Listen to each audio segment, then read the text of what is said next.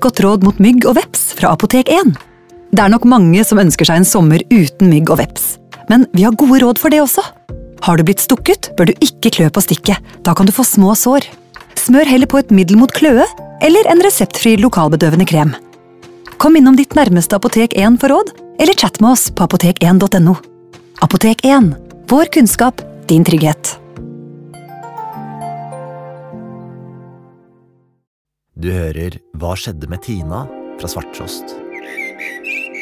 Dette er den femte av seks episoder, og det er Kristin Vesterheim som forteller.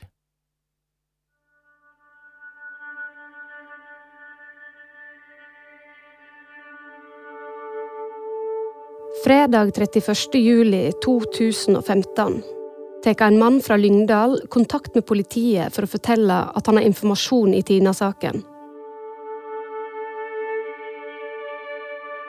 Mannen leverer fra seg et lydopptak som han har gjort av kameraten sin. På opptaket forteller kameraten at han veit hvem som drap Tina Jørgensen. Og da tror jeg at han hadde kanskje en stein i hånden eller et eller annet. Så var det kanskje to ord, og så bang, bang.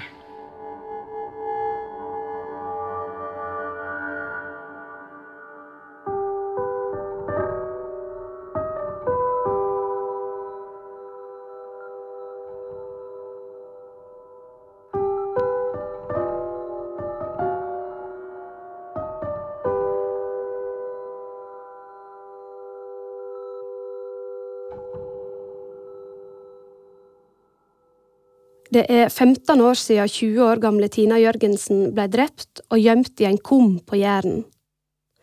Etterforskningen har stått relativt stille, men har med jevne mellomrom blitt tatt opp igjen, uten gjennombrudd. Det meste av bevismateriell er kasta, og politiet kommer ikke lenger med kandidatene de har sett på. Men så en dag, helt ut av det blå, snur det. Etterforsker Bjørn Kåre Dahl forteller da det kom et tips om eh, denne karen som jeg møtte på Lyngdal eh, lensmannskontor, og fortalte at han hadde en, vært sammen med en som hadde fortalt at han hadde vært med på drapet. Og med et lydbåndopptak.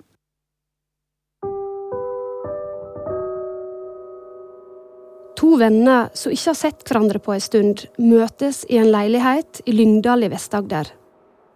De spretter en øl og mimrer om gamle dager. Han som er på besøk, forteller at han har opplevd mye vondt i livet. Og da kommer de inn på Tina, som er felles barndomsvenninne av begge to. For Tina har vært mye i Lyngdal om somrene. Hun og ferievenninna Katrine Søndeland har fått mange, etter hvert gode venner der. Det var jo noe vi syntes var veldig kjekke og tøffe i den tida der. Han som er på besøk, kanskje litt ekstra.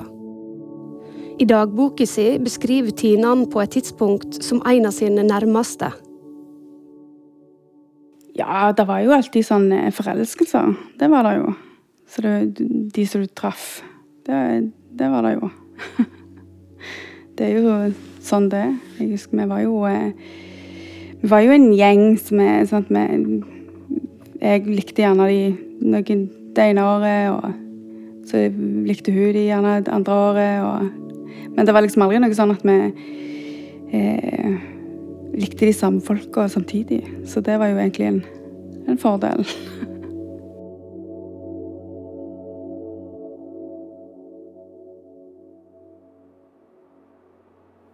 Og to av dem sitter nå i lag i denne leiligheten og mimrer over Tina.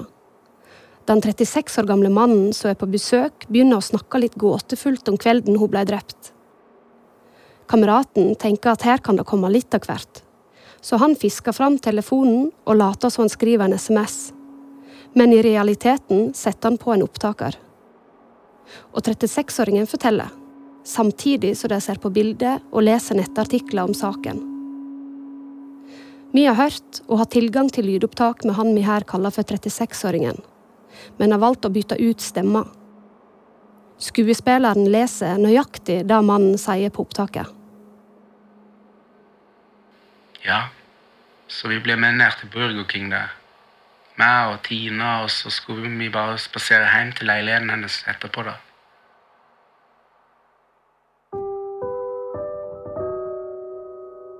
«36-åringen kom ikke alene til Stavanger, forteller han. Han reiste fra Lyngdal til Stavanger i lag med søstera si og tre venner. Når de kommer fram til Stavanger, splitter gjengen seg. Tre av dem stikker på pub, mens 36-åringen og en til går for å treffe Tina utenfor Burger King. Etter dette går de tre over bybrua i retning av Grasholmen, der Tina bor. Så gikk vi der, da. Og så om hun skulle vise oss noe, og vi kom frem til en plass som vi sto og snakka før vi skulle gå hjem til henne. Ikke det at jeg helt husker det, men sånn husker jeg det i hvert fall. At vi kom frem til en plass og skulle vise oss noe, eller vi skulle snakke der. 36-åringen forteller at det etter hvert blir ganske dårlig stemning mellom de tre. Etter sigende fordi Tina er uklar på hvem av de to hun vil ha. Hun har sagt til begge at hun liker dem, men bestemmer seg til slutt for 36-åringen. Og da blir vennen fra Lyngdal sur. Etter at de har kommet seg over brua og står i den mørke bakken ned mot Tina sin leilighet, kommer kameraten gående bak Tina.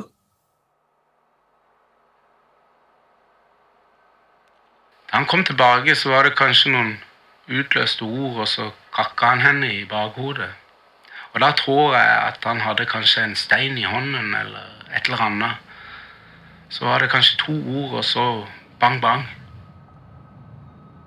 36-åringen forteller videre på opptaket at Lyngdalsvennen kakka Tina i bakhovet med en stein.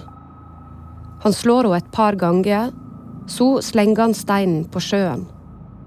Slaget er så harde at Tina blir liggende livløs på bakken i skråningen.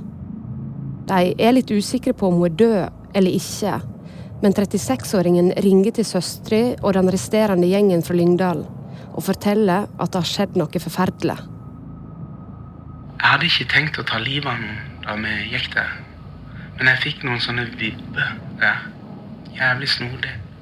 Hele situasjonen var jo litt snodig da. Underveis i lydopptaket forklarer 36-åringen flere ganger at han har problemer med å huske detaljene. Flere år med rus har sett spor. At vi og jeg var der når hun døde, er 100% sikkert. Videre forteller 36-åringen til den sjokkerte kameraten at han føler seg usikker på om Tina var død eller ikke. Kameraten bryter inn og spør om det ikke var slik at Tina ble funnet i en sekk. 36-åringen ber han om å holde kjeft og la han fortelle ferdig. Ja, ja, men jeg skal forklare deg resten, for faen. Bare hold kjeft. Kameraten gjør som han blir fortalt. Og 36-åringen forteller videre på opptaket at søstera og de to andre Lyngdalsvennene kommer kjørende rett fra puben. De har i tillegg røyka hasj. Nei, og så til slutt så plutselig bare tok hun en stein og kakka Tina flere ganger i hodet. Så sier hun nå er hun død, for faen. Nå kan vi gå og gjemme henne. Og så ble det til at vi heiv henne i trunken. Og så kjørte vi utover til Borø. Da var det henne som visste om den plassen der med den kirka der. Der hadde hun vært og campa en gang da de var små. Alt dette forklarer 36-åringen til kameraten mens de sitter der og ser på bildet av Tina og saken.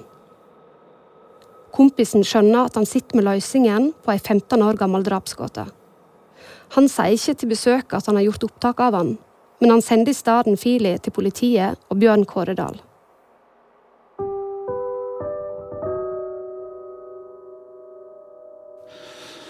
Så da ble jo det igangsatt eh, ganske omfattende undersøkelser rundt det. Eh, og det ble jo pågripelser, varetektsfengsling og masse etterforskning for å verifisere er dette, stemmer dette. Altså, han hevda jo at dette hadde han vært med på. Så vi hadde jo, og det var jo noe av det Det var veldig spesielt å være, med på, for vi, vi prøvde jo å Vi vurderte jo det som var sagt, og det var veldig mye som stemte overens. Søstera til 36-åringen Hun som angivelig slo Tina med en stein mange ganger for å være sikker på at hun var død, er sjøl død når etterforskningen starta, og kan derfor naturlig nok ikke siktes. Men de tre Lyngdalsmennene og 36-åringen sjøl sitter altså nå i varetekt, og alle nekter straffskyld. Tina si venninne Katrine blir kalt inn til avhør for spørsmål om vennene fra Lyngdal. Du er jo ikke sånn at du tenker Nei, det er helt utelukka. Så du, du, du, tenker jo over det. tenker hva, hva all verden har skjedd der, ikke sant? Så du Men du, du, vet jo ikke. Altså, du vet jo ikke hvordan folk er. Du vet jo ikke hvordan naboen din heller er. ikke sant? Så oppi gjennom mitt liv så er det jo ikke sånn at det eh, jeg, Altså, jeg har jo blitt eh, overraska av mennesker før. altså det er jo ikke sånn at du er, når jeg fikk høre det heller, at jeg var 20 og naiv. Altså folk, Ting kan skje.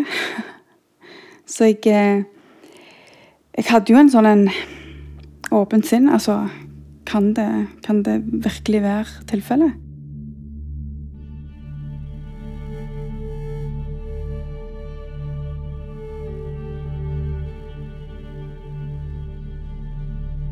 Elise Landa, Tina si venninne fra Larvik, har tidligere hørt om Lyngdal som en nærmest magisk sommerdrøm.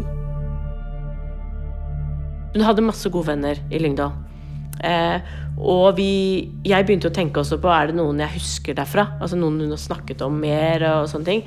Og stussa veldig på at politiet ikke ransaka den delen av hennes liv.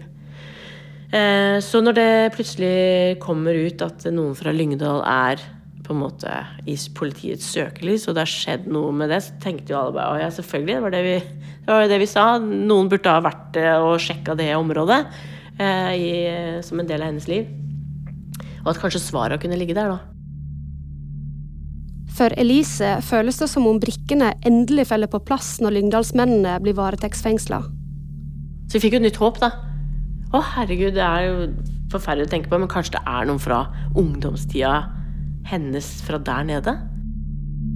Men det var, jeg husker veldig godt avisoverslagene, eller når, det, når, de ble tatt, da.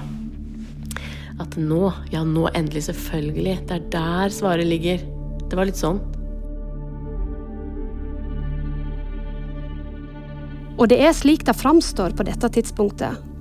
Når politiet får tilsendt lydopptaket med bekjennelsen til 36-åringen, kan det endelig se ut til at den 15 år gamle drapsgåten får en avslutning, forteller forfatter Erlend Frafjord. Og så begynner ballen, snøballen å rulle, og det ender med at disse fire personene blir eh, sikta og varetektsfengsla for medvirkning til drap. Og de tre andre er jo dypt sjokkert over dette. De har jo aldri vært i Stavanger sammen med han her den helgen. og de er fullstendig sjokkert over å bli dratt inn i, i denne drapssaken. Dette er en av de mange tingene politiet nå må undersøke. Var Lyngdalsgjengen i det hele tatt i Stavanger den helga Tina ble drept? Det er utfordrende å finne ut av, siden drapet ligger 15 år tilbake i tid. Mange av de elektroniske sporene er mangelfulle og umulige å finne igjen. Det er ord mot ord. En av de fire fra Lyngdal står registrert med en BMW, og dette er et spor politiet blir interessert i. Politiet har nemlig hatt et eget prosjekt i etterforskningen. De har jakta en mørk BMW i 15 år. Dette prosjektet handler om en observasjon gjort av nettopp en BMW på drapsnatta i bakken på Sørlyst der en taxisjåfør ser ei lyshåra jente som signaliserer at hun vil ha kontakt med han. Der observerer òg et annet vitne en bil som står i veikanten med frontlyktene tent, rundt tre kvarter seinere. Dette vitnet mener det er en BMW i 3-serien. Svart, mørk eller koksgrå. Bagasjerommet på bilen er åpent, men ingen av dørene. Inne i bilen sitter en mann og ei kvinne og rett bak bilen ser vitnet enda en mann. På dette tidspunktet er Tina trolig død, så hvis denne BMW-en har noe med saken å gjøre, så må jenta som observeres der, i så fall være ei som har med fjerningen av Tina sin kropp å gjøre. Ei kvinne som kjører over bybrua i kvart over tre, ser òg en mørk bil stå i samme område. Selv om hun ikke kan oppgi hva merket det er, så blir disse bilobservasjonene viktige, ifølge Bjørn Kåredal. Når vi mente at drapet hadde skjedd der, og var frakta ut til, til Bordet, tre, tre, mil lenger sør, så, så var vi jo rimelig sikre på at du er transportert i et kjøretøy. Så ble jo bil, observasjoner av, av bil ble jo viktig. Og det ble jo noen biler som på en måte ble aktuelle. Da politiet gjenopptok saken i 2013, gikk de ut med to fantomtegninger som ble gjort i den første etterforskningen. En tegning av mannen Tina ble sett i lag med utenfor Burger King, og den andre av BMW-en i bakken og personene rundt bilen. 36-åringen knytter seg til begge tegningene. For i avhør forteller han at det er han som er mannen utenfor Burger King og i tillegg forteller han til politiet at han og venner kom til Stavanger i en BMW da natta Tina ble drept. Erlend Frafjord påpeker at dette er informasjon som er tidligere kjent. Politiet de går jo gjennom alt han sier, og de er selvfølgelig veldig interessert i å finne ut om han sier noe i de avhørene som bare en drapsmann eller en som har vært med på drapshandlingen, kunne kjenne til. Så de kartlegger alt som har vært skrevet om Tina-saken i uh, mediene, og særlig på nettmedier. da. Og de konkluderer med at alt det han her Lyngdal-mannen eh, snakker om, det er ting han eh, potensielt kan ha lest seg til i media. Det eneste er at han, han snakker om at de kjørte Tina et sted før de dumpa henne i kummen, og bl.a. en bratt bakke ute på Jæren. Det er der jo ned mot denne havna på Revet, da. For det er en teori om denne marinaen på Revet som politiet kun har jobba internt med. Nemlig at drapsmannen først kjørte Tina til Reve havn med en plan om å dumpe henne på sjøen, men at han enten har ombestemt seg eller blitt avbrutt og dermed heller kjørt henne til Bore kirke. I et ellers flatt område der det ikke er så mange bratte bakker å oppdrive, er bakken ned til Reva havn en av få. Så når 36-åringen snakker om en bratt bakke ute på Jæren, er det en interessant opplysning. Det hang jeg meg litt opp i. Det syns jeg var interessant at han hadde snakket om.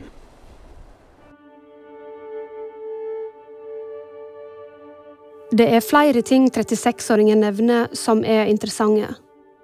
For politiet mener nemlig at det faktum at Tina ble slått i bakhodet, slik 36-åringen forklarer, er en opplysning som ikke noen gang har kommet fram i media. Obduksjonsrapporten sier at de dødbringende slagene for det meste traff Tina i bakhodet. Hun fikk òg et par kraftige slag i ansiktet, noe 36-åringen òg ganske riktig påpeker. Det ble voldsomt mye etterforskning for å se om dette var ting en kunne ha kunne opplevd, eller om det kunne ha lest seg til. Og vi kjente jo en sånn grad av usikkerhet, eh, veldig usikkerhet på om, om det var reelt eller ei.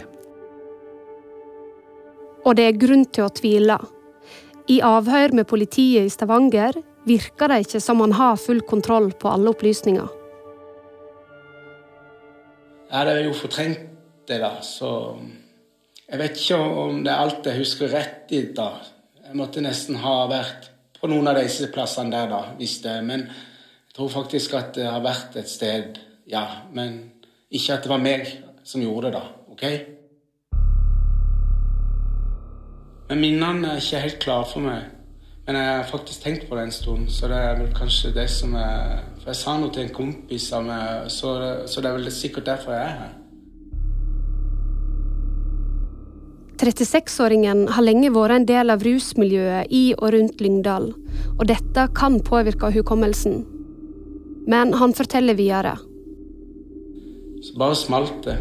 Jeg tror ikke hun var død med en gang, men jeg tror jeg, hvis han hadde slått med neven, så var det ikke sikkert hun var død, men da er det jo tydelig sant. Men den steinen der, jeg vet ikke hvordan. Så jeg bøyde meg ned og prøvde å se om det var noe liv. Prøvde ulike metoder. Munn-til-munn-metoden.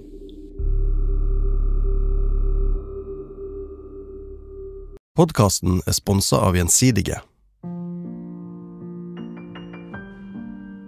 Første dagen på jobb i Gjensidige, 2. januar i 1984, da møtte jeg opp klokka ni. Så ble jeg tildelt en pult i et stort rom. Jeg satte meg ned der, så på den telefonen, litt på noen papir som lå der og var ellers livredd. Jon Arningsdal er 68 år gammel og har jobba Gjensidige i 38 av dem. Han jobber med kommunikasjon og er opptatt av å dele kunnskapen han har tilegna seg gjennom et langt yrkesliv. Jeg har et motto eh, som jeg har også prøvd å leve etter en del år. Det er at jeg ønsker å kunne lære for meg en ting hver dag. Det å holde på kunnskap, det var i før i tida det var en måte å skape seg en, en maktposisjon på. Og den ønsker jeg egentlig ikke å ha. Jeg ønsker å være den som deler. Da gir jeg noe til de andre som kan gjøre dem bedre i sin jobb. Det er arbeidsplassen for meg. Det er en kjempearbeidsplass, vil jeg si. Og jeg har i noen sammenhenger av bl.a. sponsorsjefen vårt blitt kalt Mr. Gjensidige, for jeg er ikke redd for å gå med Gjensidig-logoen på klærne mine eller på mansjettknappene mine. eller Den gangen vi brukte slips, så var det Gjensidige slips. Min, min identifikasjon med og stolthet over Gjensidige, den er ganske sterk. Men ikke glem det med, med altså det er, Gjensidige er jo egentlig folka som er der. Vi har roboter, men det er, det er ikke folka. Gjensidige har sikra liv, helse og verdier i over 200 år. Vil du bli en av oss? Sjekk ut gjensidige.no jobb.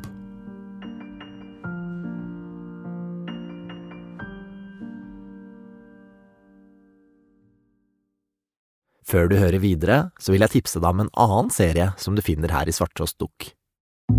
Baneheia-drapene rysta hele Norge, og lettelsen var stor da Viggo Kristiansen og Jan Helge Andersen ble arrestert. Dagen etter at de to guttene er arrestert, så smeller da alle avisene opp med store oppslag. ikke sant? VG har en forside som heter Tatt, da, hvor det er bilde av de to guttene. da.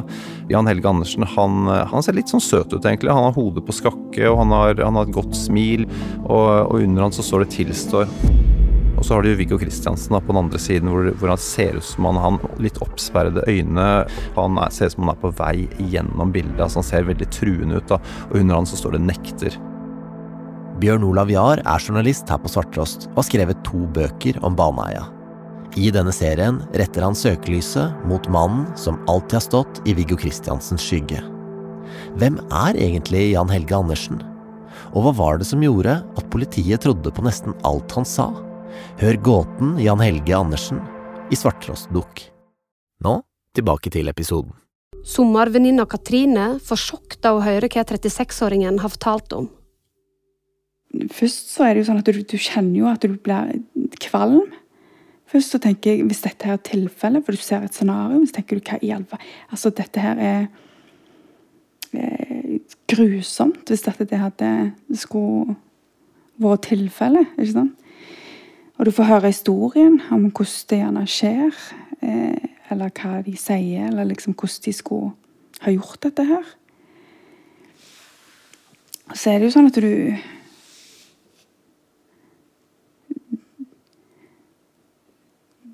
Du får jo en liten sånn Kan det Ja, OK, for det Kunne det ha skjedd? Kunne det vært tilfellet, liksom? Men så er det jo òg sånn at du, altså, du har en følelse, indre følelse, hvor du kjenner at det, det stemmer jo ikke. Skepsisen rundt 36-åringen sin forklaring vokser både hos politi og venner. Selv om politiet mener at han sitter på detaljer som ikke har vært offentlige, er det likevel flere hull enn det er sammenheng.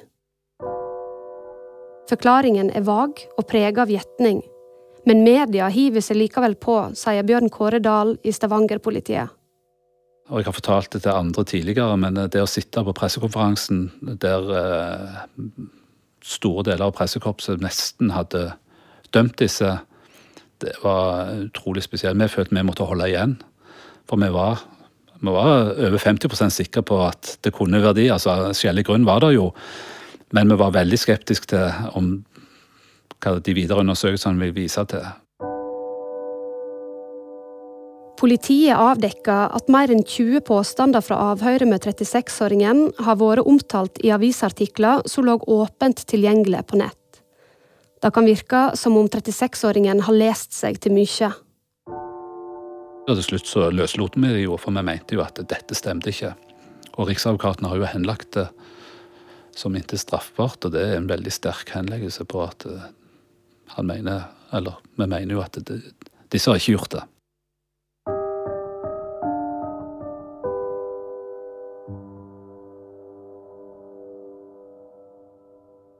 Saken mot de fire lyngdølene blir altså henlagt 5.9.2016. Da hadde kvartetten hatt drapsmistanken hengende over seg i nesten ett år. Allerede 20.12.2015 konkluderte en rettspsykiatrisk erklæring at 36-åringen antageligvis har utvikla falske minner om drapet på Tina Jørgensen, sier forfatter Erlend Frafjord de er ikke så entydige. De mener at det er fortsatt litt åpent hva, hva han har eh, vært med på og ikke vært med på.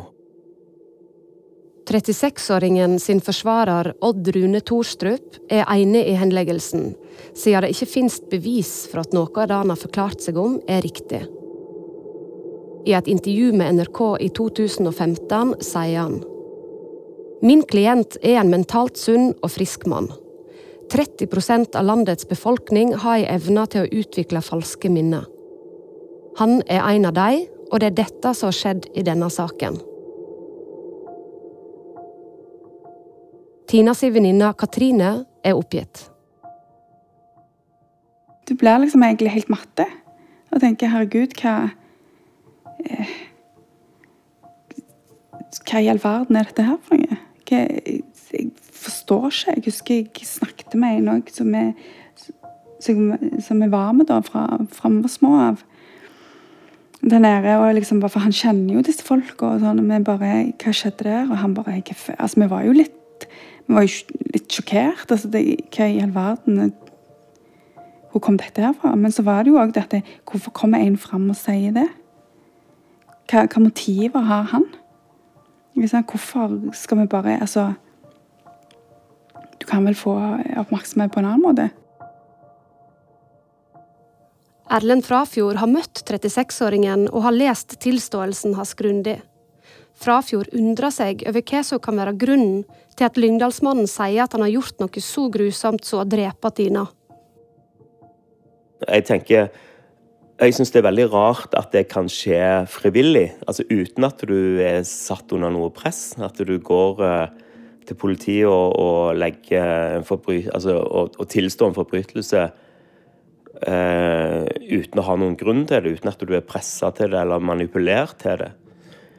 Men eh, så har jeg lest en del litteratur om dette med falske tilståelser, og det viser seg jo at det er en del mekanismer du, som gjør at du allikevel kan tilstå falskt uten press. Altså det kan være det er, er, ulike forklaringer på det. Det kan være eh, oppmerksomhetsbehov, det kan være psykisk eh, sykdom, eh, tidligere kontakt med politiet. Det er en del mekanismer som slår inn, som gjør at du allikevel kan tilstå falskt. Men, men det er spesielt, og det er rart.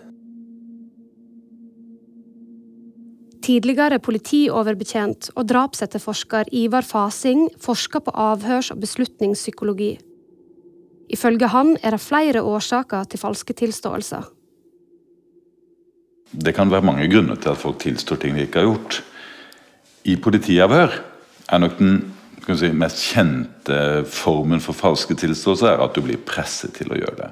Altså at du, du, sitter i en varetektsfengsling og utsettes for et psykologisk press. At vi mener du har gjort det, eh, og mener å kunne bevise det.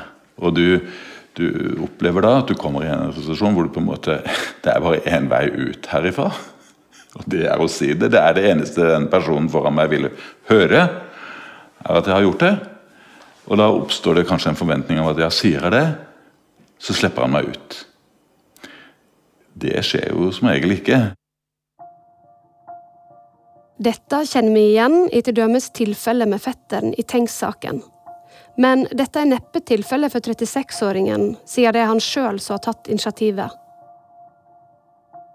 Den andre, som krever kanskje litt lengre bearbeidelse, og kanskje også har litt sammenheng med personlighetstype, sårbarhet og sånne ting, det er når, når, en person som først tror han ikke kan ha gjort dette, etter lengre tid med politiet blir mer og mer overbevist om at han må ha gjort dette.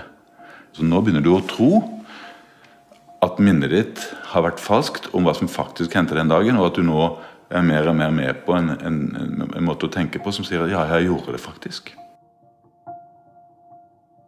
Mens den tredje, større kategorien som kanskje ligger utenfor politiets kontroll, det er det som kalles frivillige falske tilståelser. Nemlig at noen enten fordi de tror de har gjort det, og ikke har gjort det, av en eller annen sinnsforvirring eller overbevisning, kommer og sier de har gjort noe gærent. Eller vel vitende om at de ikke har gjort det, men fordi de ønsker å oppnå et eller annet, kanskje berømmelse, tar kontakt med politiet og sier at det var meg som gjorde dette. Den siste kategorien her er mye større enn folk flest kanskje skulle tro. Et kjent eksempel på dette er svenske Thomas Quick, som erkjente flere drap han ikke hadde begått. Og Det er kanskje ikke så rart å tenke deg eh, at hvis du sitter på et mentalsykehus der og er dønn alene, ensom, ingen bryr seg om deg Så plutselig så begynner du å snakke om sånne ting. Her så får du et helt eh, hærskare av intelligente, oppegående mennesker som kommer og bare vil snakke med deg. Gir deg omtrent alt du vil ha. Oppmerksomhet og god mat og reiser. Og, og du blir på forsiden av aviser. Og, det er vanskelig å forstå det helt selv, men eh, det er jo de sårbare menneskene her da, som kanskje søker denne type oppmerksomhet. Vi har ikke fått kontakt med 36-åringen. Men forfatter Erlend Frafjord, som har møtt han i forbindelse med bokprosjektet om Tina-saken, forteller at lite har forandra seg. Han forteller meg akkurat det samme som han har fortalt til politiet flere år tidligere. Om at han har vært med på, på denne gåturen med Tine over broa og sett på at kompisen dreper henne. Han, han, mener den dag i dag at uh, alt det han har uh, opplevd, det stemmer. At det er ikke fantasier.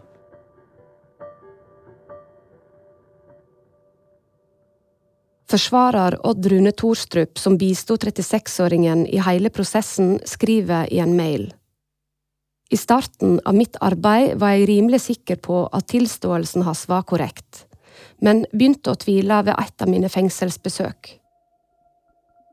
En del av det han sa, stemte ikke med mine øvrige opplysninger, og etter hvert ble det klart at vi sto overfor en uriktig tilståelse. Det var omstendigheter som med tyngde tilsa at han ikke hadde noe med drapet å gjøre. Jeg tok dette opp med politiet, og vi avholdt en åstedsbefaring under bybrua i Stavanger.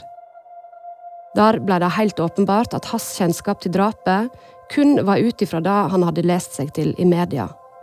Det er ingen tvil om at klienten min er uskyldig. Hva gjelder årsaken til at han ga denne åpenbart uriktige forklaringen, sitter jeg ikke på noen fasit. Menneskesinnet rommer så mangt og favner så bredt. Jeg veit ikke.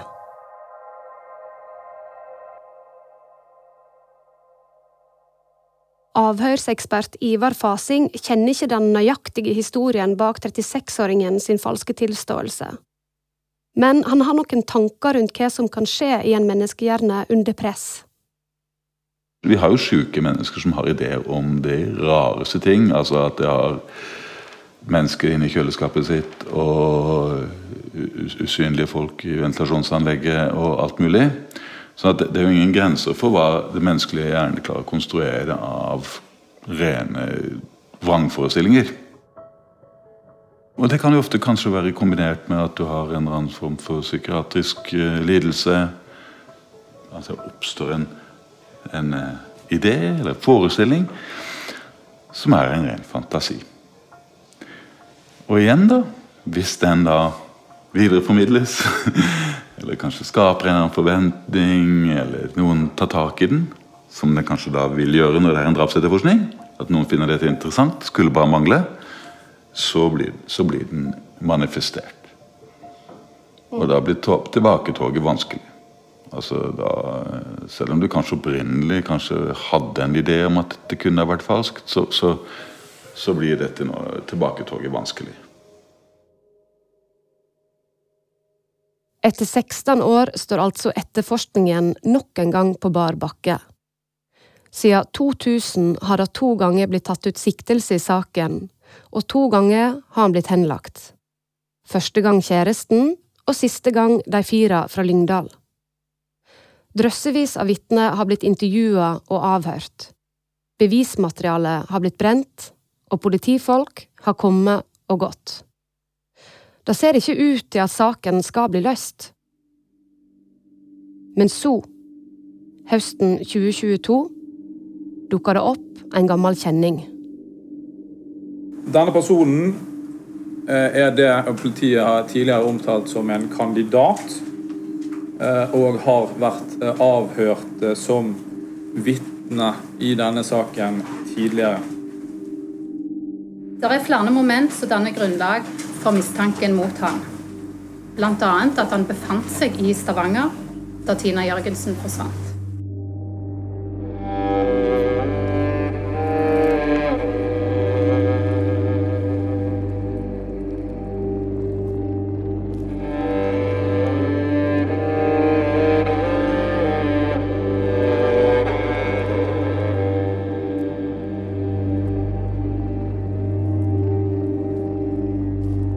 Hva skjedde med Tina? er laga av Kristin Vesterheim og Line Alsaker i Fenomen. Klipp ved Tormod Brekke Øie. Lyddesign ved Hans Kristen Hyrve. Erlend Frafjord har bidratt med research og materiale fra boka Da Tina ble drept. Arkivklipp er fra NRK, og ansvarlig redaktør i Svarttrost er Kari Hesthamar. Sitatene fra han som kalles 36-åringen, ble lest av Tobias Bøksle. Vi har prøvd å komme i kontakt med han, men 36-åringen har ikke besvart henvendelsene våre. Tinas mor og den tidligere kjæresten hennes har blitt spurt om å delta, men har takka nei.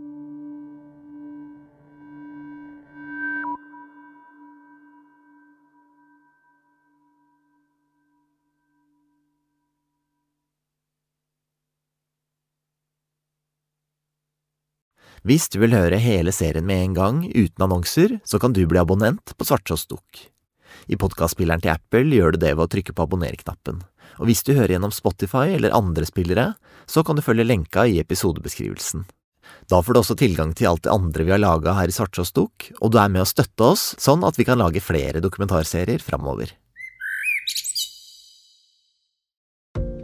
Jeg hadde akkurat fylt 48. Det var liksom den eh, våren eh, jeg begynte å kjenne på eh, at kroppen holdt på med greier som jeg ikke visste helt hva var. Det forteller værmelder Eli Kari Gjengedal i vår siste episode om overgangsalderen. I podkasten Et godt råd fra Apotek 1 knuser vi myter og gir gode råd fra kunnskapsrike farmasøyter om små og store helseproblemer. Apotek 1 vår kunnskap, din trygghet. Har du et enkeltpersonforetak eller en liten bedrift? Næringsoppgave, MVA, årsregnskap, avmelding Du er kanskje usikker på hva som skal leveres når og hvordan? Regnskapsprogrammet Fiken gir deg full kontroll, og skulle du glemme noe, gir vi deg en påminnelse. Selve innleveringen gjør du også raskt og enkelt i programmet. Gjør som over 70 000 andre, ta regnskapet selv med Fiken.